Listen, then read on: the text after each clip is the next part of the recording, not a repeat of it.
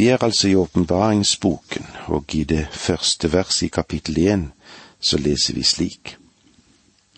Og det kan vi vel også si er bokens tittel, da.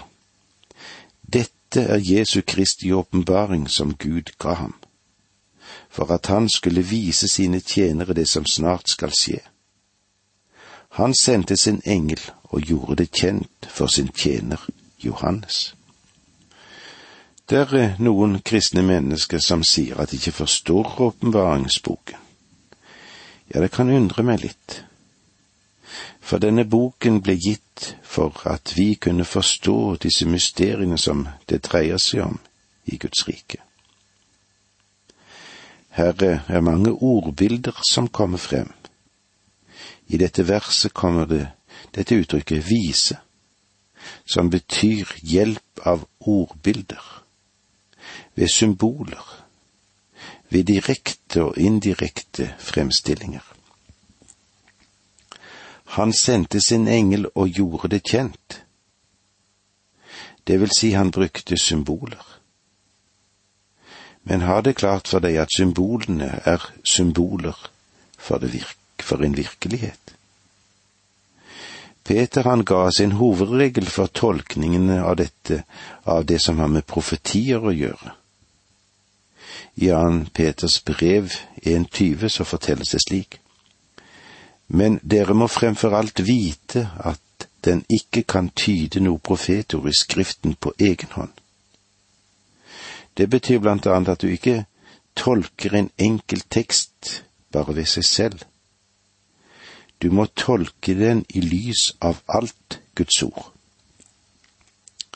For å vise oss det og det understreker at det er det Johannes forteller oss.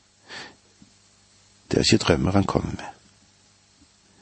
Det er en hard og solid kjerne av fakta som kommer frem i denne boken. Skal skje. Han sier at det må hende. Ordet skal har i seg selv en tvingende nødvendighet av en absolutt visshet. Snart har innbakt i seg noe som det er viktig å legge merke til. Ordet forekommer ganske mange ganger i Bibelen. For eksempel har vi det slik i Lukas 18,8, der Herren sier det slik. Han skal sørge for at de får sin rett, og det snart. Dette er det samme ordet. Det betyr at når gjengjeldelsen begynner, så vil det finne sted hurtig, snart. Det vil ikke bli noen langvarig ventetid. Det innebærer at Herren ikke kommer snart, men når Han kommer, vil det si at de ting som Han taler om, skal hende i et raskt tempo, snart. Hans gjengjeldelse vil finne sted i løpet av en kort tidsperiode. Johannes forteller oss at i åpenbaringen om Jesu Kristu som Gud ga ham, legg merke til trinnene i åpenbaringen. Det hadde sin opprinnelse i Gud, ble gitt til Kristus. Han formidlet videre til sine engler. Hans engel ga det til Johannes, og Johannes brakte det videre til hans tjenere så de skal vite hva som skal hende. Og slik er det så kommet til deg og meg i dag. La oss gjenta det første verset for oss som det står i åpenbaringsboken. Dette er Jesu Kristi åpenbaring som Gud ga ham, for at han skulle vise sine tjenere det som snart skal skje. Han sendte sin engel og gjorde det kjent for sin tjener Johannes. Vi har òg åpenbaringens metode, som det står i det andre verset her i åpenbaringen. Han er det som her vitner, og bærer frem Guds ord, og Jesu Kristi vitnesbyrd, alt det han har sett. Han er det som her vitner.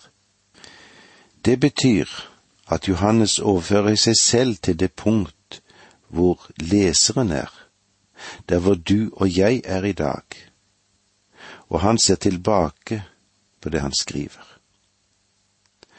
Og bærer fram Guds ord. Uttrykket Guds ord henviser, tror jeg da, både til Kristus og innhold i denne boken. Han er det levende ord, og når det skrevne ord åpenbarer ham for oss, så er han det levende ord, og det kan du være sikker på. Og Jesu Kristi vitnesbyrd. Jeg foretrekker ordet vitne fremfor ordet vitnesbyrd. Det forekommer 90 ganger i de skrifter Johannes har forfatter. 50 ganger i evangeliet. Og alt det han har sett. Han var øyenvitne til visjonen. Det Johannes så langt har sett da, det er bilder av. Og i åpenbaringsboken så er dette hans fjernsyn. Det var det første fjernsynsprogrammet som noensinne har vært presentert dette. Og denne gangen er det best at du følger svært godt med. Hvorfor det, da? Jo, for det kommer fra himmelen. Det kommer fra Gud, det kommer fra Faderen gjennom Sønnen Jesus Kristus. Og han ga det til en engel, som igjen formidlet dette til Johannes, som så i sin tur skrev det ned, alt det han så. Det er ikke bare det at Johannes hørte, men han så også. Og dette er altså to viktige mediekanaler som vi kan få den beste informasjoner gjennom, se og høre. Og jeg undrer på om ikke Johannes kanskje luktet et og annet også. For eh, det er deler av denne boken der han også henviser til duft. Vi kommer nå til det tredje verset her i åpenbaringen igjen. Kanskje vi kan si at dette er bibelstudiets saligprisninger. Nå skal du høre hva det står i vers tre. Salig er den som leser ordene i denne profeti, og de som hører dem, og tar vare på det som står skrevet, for tiden er nær. Dette verset gir oss en salig prisning, og det er knyttet til bibelstudiet. Dette er det første av de syv saligprisninger som vi finner i åpenbaringsboken. Dette verset sier oss salig er den som leser. Og det betyr den som leser, eller i en menighet den som blir undervist. Både dem som leser denne bok, og de som hører denne boken, de vil bli velsignet. Og både leseren og lytteren skal holde de ting som blir skrevet i boken. Den trefoldige velsignelse kommer fra å lese, høre og holde. Og jeg tror at de som går igjennom åpenbaringsboken vil motta en spesiell velsignelse. Og jeg tror virkelig det, for det er her Johannes sier noe til oss. For tiden er nær. Det betyr ikke at de ting som blir nevnt ved slutten av boken hender i våre dager men det betyr at begynnelsen til kirken eller menigheten på pinsedag var starten på den Herre Jesu Kristi tjeneste i himmelen. Vi møter en visjon av ham i dette kapitlet, et syn angående den herliggjorte Kristus. Og da vil vi nærmere få se hva hans tjeneste er, og at det fører oss direkte inn i fremtiden. I det fjerde verset så kommer Johannes med en hilsen. Hilsen er fra Johannes forfatteren og fra Kristus i himmelen. I vers fire leser vi slik. Johannes hilser de sju menigheter i provinsen Asia. Nåde være med dere og fred fra ham, som er og som var, og som kommer, og fra de sju ånder som står for hans trone. Det var så langt vi kom i dag, og vi vil fortsette ut ifra dette verset når vi møtes igjen neste gang. Takk for nå, må Gud være med deg. Dette undervisningsprogrammet består av to deler. Åge Nevland fortsetter nå med andre del av dagens undervisning. Vi er nå i den siste boken som vi har i Bibelen vår, Johannes' åpenbaring og eh, vi har noe viktig å meddele hverandre, og Johannes har en hilsen til oss. Johannes som er både forfatteren og den som har budskap å bringe til oss. Og i det fjerde verset i det første kapitlet leser vi slik. Johannes hilser de sju menigheter i provinsen Asia. Nåde være med dere, og fred fra ham som er og som var og som kommer og fra de sju ånder som står for hans trone. Hm. Er ikke dette fantastisk? Det er en fantastisk hilsen som vi får. Johannes hilser de sju menigheter i provinsen Asia. Dette landområdet utgjorde de det meste av det moderne Tyrkia. Legg merke til at Johannes ikke knytter noen tittel til navnet sitt. Og jeg har en følelse av at Johannes var vel kjent i disse syv menighetene. Vi vet at han hadde vært pastor i menigheten i Efesus, og at han hadde oppsyn med alle kirkene i dette området. Før vi går videre, la meg feste oppmerksomheten med tallet sju. I dette verset blir sju menigheter nevnt. Sju ånder. Tallet sju har en religiøs betydning i Guds ord. Det er sikkert fullt forståelig på Johannes sin tid, men kanskje det virker noe fremmed for oss i dag. En del mennesker er overtroiske når det gjelder visse tall og tallkombinasjoner men vi er ikke vant med å feste religiøse forestillinger til tall. Men i Guds ord er tallet sju ganske fremstående. Det antyder ikke fullkommenhet, men det antyder helhet. Det er som, et, som om det er avsluttet, noe som er komplett. Noen ganger er dette fullstendig lik fullkommenhet men ikke alltid. Sju taler om det som er komplett, og det som er representativt. På en særlig måte har sju å gjøre med Guds pakt og verk med Israel. For eksempel er sabbat, omskjærelse og tilbedelse eller gudstjeneste knyttet til den syvende dagen. Når du går gjennom Guds ord, så legger du sikkert merke til at da folket vandret rundt Jeriko, så gikk israelsfolket rundt der sju ganger. Naaman fikk beskjed om at han skulle dukke seg i Jordan sju ganger.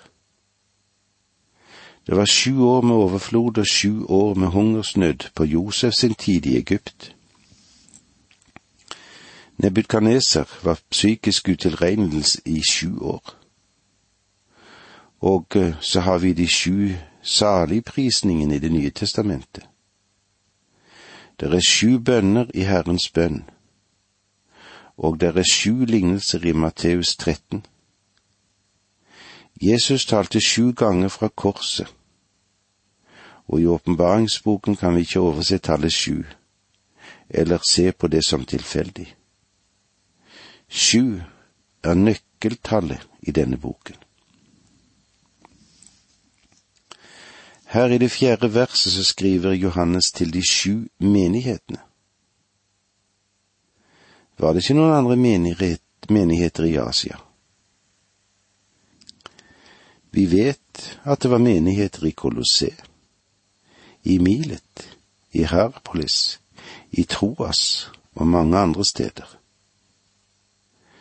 Johannes ble ledet til å skrive til sju menigheter men det dekket blant annet ikke Herapolis, som var et viktig senter for kristen innflytelse. Og under utgravning har en funnet fire tidligere kristne kirker der. Johannes ble bedt om å skrive til bare sju bestemte menigheter. Og det spørs om ikke grunn er at han gjennom disse sju menighetene fikk et snitt av kirkens historie på disse menighetene som var representative for epoker. Og eh, etter hvert som vi vil gå frem, så vil vi se nærmere på dette. Asia det henviser til provinsen som inkluderte Lydia, Mysia, Karia og deler av Frygia. Det betyr selvfølgelig ikke kontinentet Asia, og inkluderer heller ikke hele Lille Asia. Uttrykket Lille Asia er en betegnelse som ikke ble brukt før i det fjerde århundret, men det dekker et stort område i Lille Asia spesielt langs kysten der, da.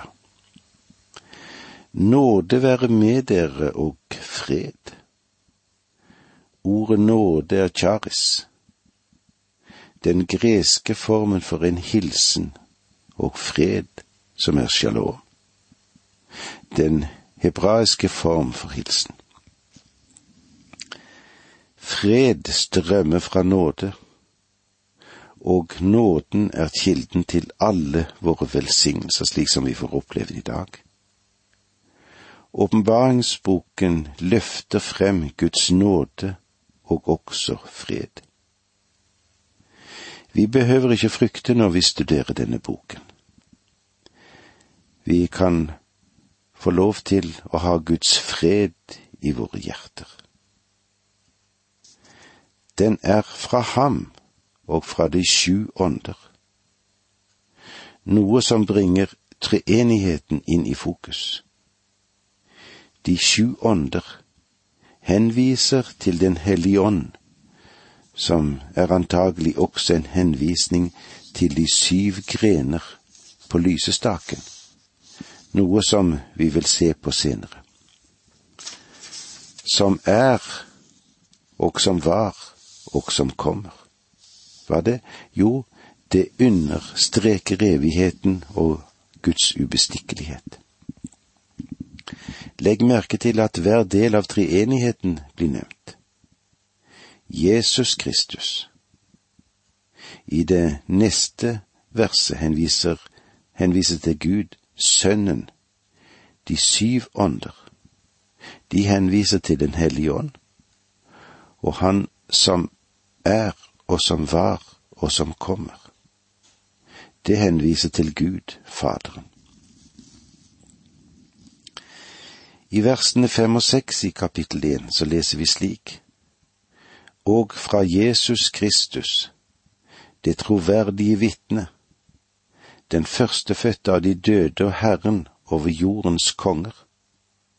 Han som elsker oss og har fridd oss fra våre synder med sitt blod og som har gjort oss til et kongerike, til prester for Gud sin Far. Ham tilhører æren og makten i all evighet. Amen. I disse to versene som jeg har lest sammen her nå, finner vi flere titler som blir gitt den Herre Jesus Kristus. Og eh, det er interessant at det finnes syv betegnelser eller titler. Det første er det troverdige vitne. Jesus Kristus er det eneste troverdige vitne til de fakta som denne boken inneholder. Disse fakta angår ham. Han vitner om seg selv. Det kan være vanskelig å tro andre mennesker, men vi kan tro den Herre Jesus Kristus. Det andre som vi får med oss her, den førstefødte av de døde. Førstefødte er det greske ordet protokos, som har å gjøre med oppstandelse. Han er den første oppståtte fra de døde, for aldri å skulle dø igjen. Dette er et mektig bilde.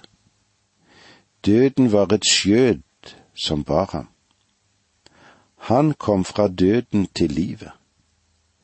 Graven var som et skjød sett i hans sammenheng.